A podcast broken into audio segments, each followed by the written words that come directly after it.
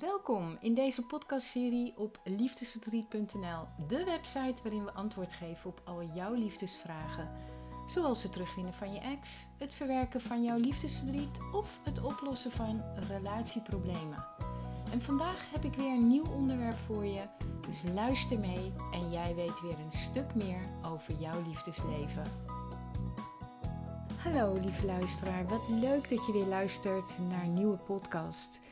En een ja, het is alweer enige tijd geleden dat ik een podcast heb gepubliceerd. Maar door de drukte die is ontstaan in mijn leven. En voor 80% komt die drukte door de hoeveelheid sessies hypnotherapie die ik met name sinds april dit jaar heb gegeven. Ja, kwam ik er gewoon simpelweg niet meer aan toe om nieuwe podcasts te maken. Maar vandaag wil ik dat dan weer goed maken. Vandaag is het ook zondag, een regenachtige dag. Het is 6 november 2022. Ja, en ik voelde de behoefte om weer eens een nieuwe podcast te maken. En deze keer gaat het over onzekerheid.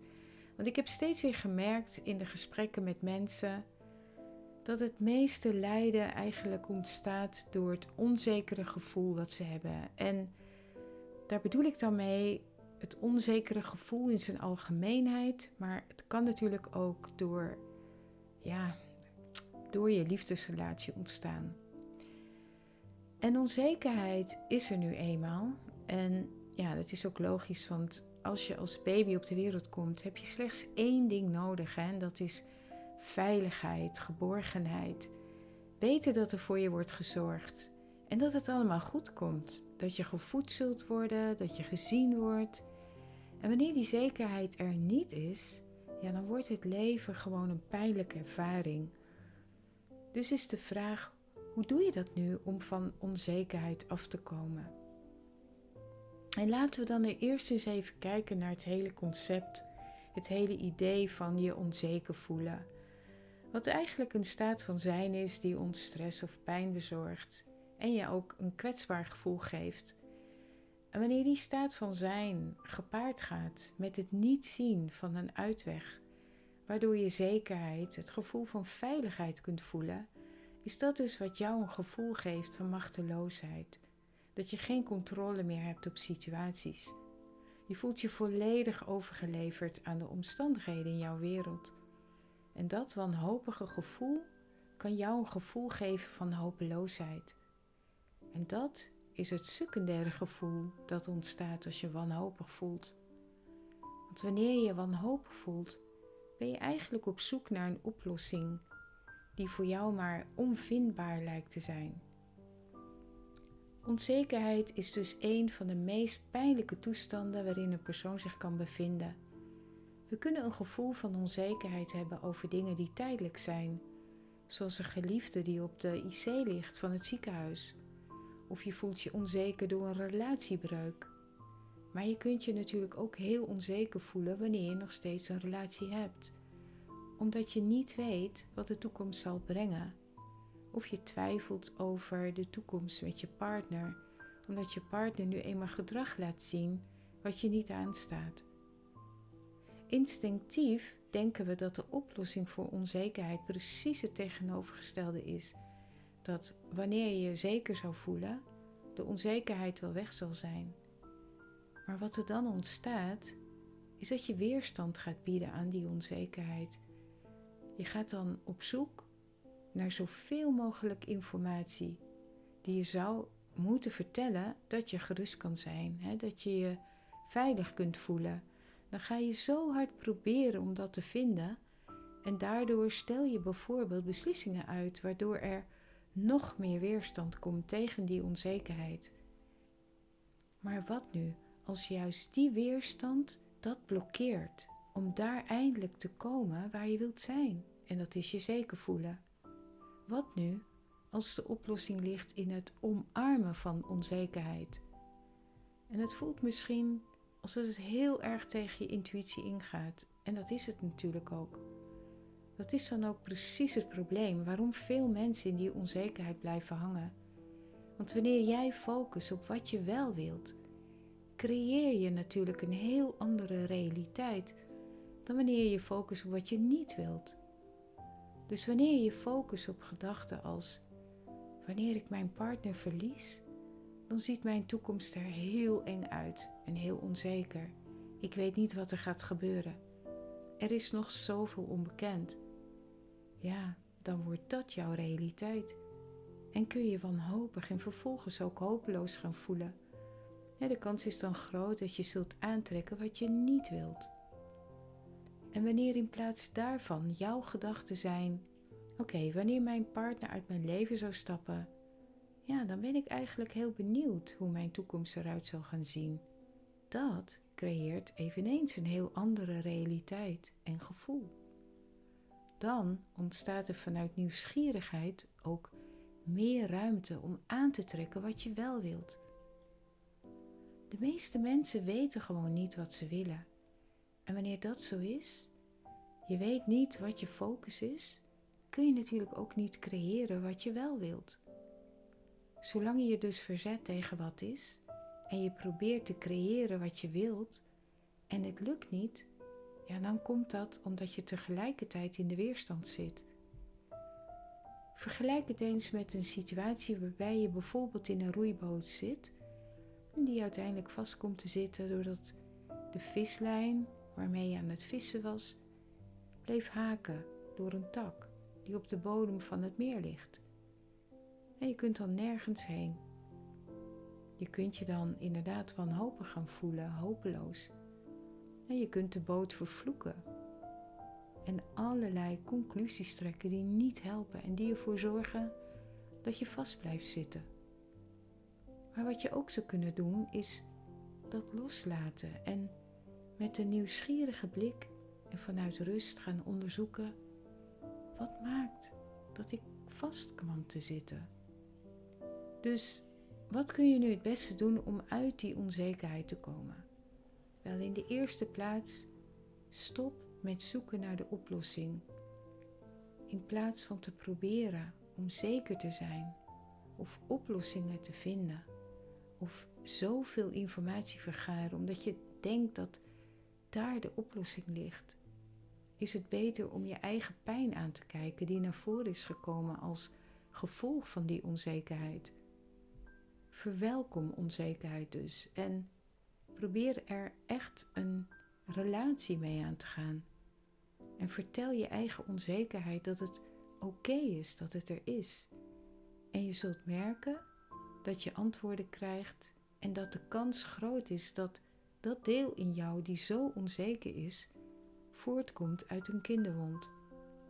Een situatie waarbij je je zo wanhopig en machteloos voelde, waarbij je je zo overgeleverd voelde aan de omstandigheden, waardoor jouw emotionele lichaam verwond is geraakt. Ja, ja, die herinneringen zitten nu eenmaal wel opgeslagen in je cellen. En ten tweede, leer begrijpen dat wat er ook gebeurt, het een hoger doel heeft.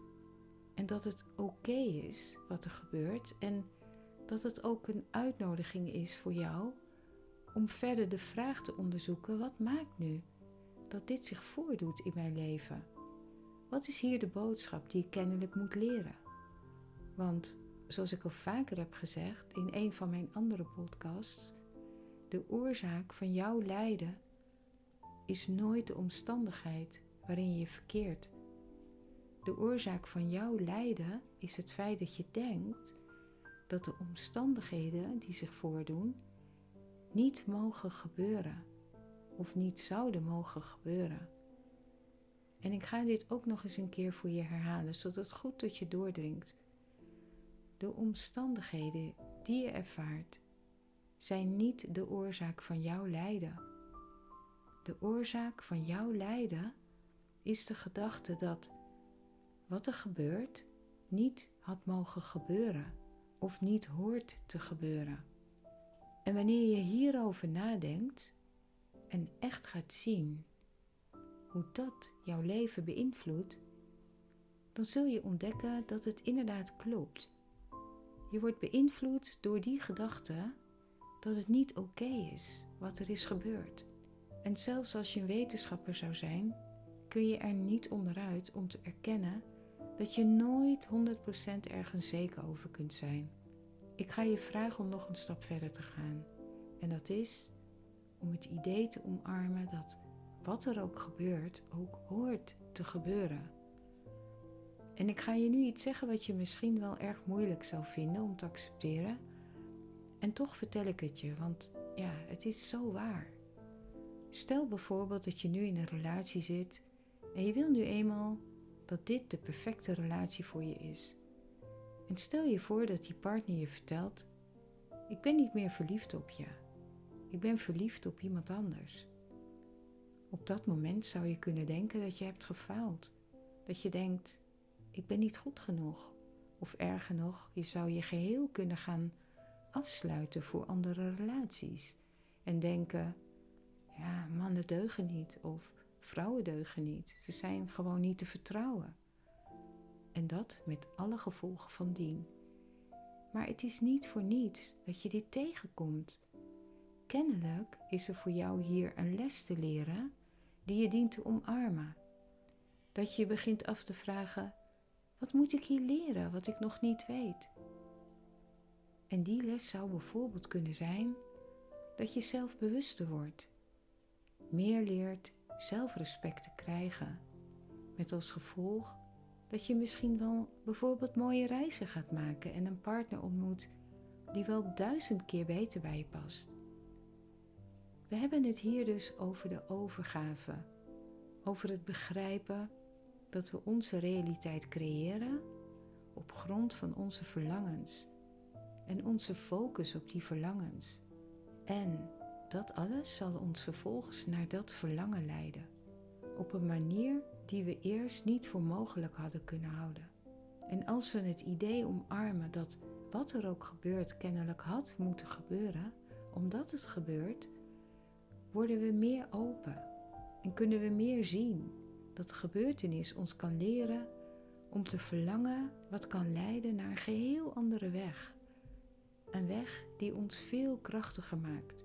En ten derde, wees niet bang voor het onbekende. En wanneer je dat moeilijk vindt, probeer er dan achter te komen waar je precies bang voor bent. Laatst vroeg ik aan een cliënt die voor een sessie kwam in mijn praktijk: Wat denk je wat er gaat gebeuren in jouw toekomst? Waarop die cliënt zei: Dat weet ik niet. En waarop ik weer vroeg: Dus je bent dus eigenlijk bang voor iets wat je niet kent. Eigenlijk is dat heel krom. Want als jij iets niet kent, zou er eigenlijk geen reden moeten zijn om bang te zijn, toch? Dus hoe komt het dan dat mensen zo bang zijn voor het onbekende? Wel, dat heeft te maken met projectie. Je bent bang voor wat je denkt te weten over het onbekende. Bijvoorbeeld, ik mag zeggen dat ik bang ben voor het onbekende als ik het over de toekomst heb. Maar in werkelijkheid is het zo dat je bang bent voor de kans dat de toekomst pijnlijk zou kunnen zijn door mislukkingen, ongelukken of andere negatieve dingen. Dus de vraag die je je eigenlijk zou moeten stellen is: wat geloof ik eigenlijk over het onbekende? En wanneer je dat duidelijk hebt, is er geen reden om het niet aan te gaan. Want nogmaals, er is geen reden om bang te zijn voor iets wat je niet kent. Het onbekende is slechts een uitnodiging om die te gaan verkennen. Oké, dan ben ik nu alweer aangekomen aan het eind van deze podcast. Maar er is nog een vervolg over dit onderwerp onzekerheid. En ik zal zo spoedig mogelijk hier weer op doorgaan. Want ja, over het onderwerp onzekerheid is uiteraard nog veel meer te vertellen. Maar anders zou deze podcast veel te lang worden en dat wil ik graag voorkomen. Dus houd het even in de gaten. En zou je meer willen weten over hoe jij over je liefdesverdriet heen kan komen? Of zou je willen weten hoe je over je eigen onzekerheden heen kan komen? Ga dan naar liefdesverdriet.nl slash hypnotherapie en lees daar eens wat ik je vertel over wat hypnotherapie is en hoe het jou kan helpen om van jouw onzekerheid af te komen. En natuurlijk kan ik je ook helpen met nog heel veel andere dingen die ik allemaal heb beschreven op die ene pagina. Dus liefdesverdriet.nl slash hypnotherapie. Ik dank je heel hartelijk voor het luisteren naar deze podcast. En dan zou ik willen zeggen, heb nog een fijne dag en tot de volgende podcast maar weer. Dag!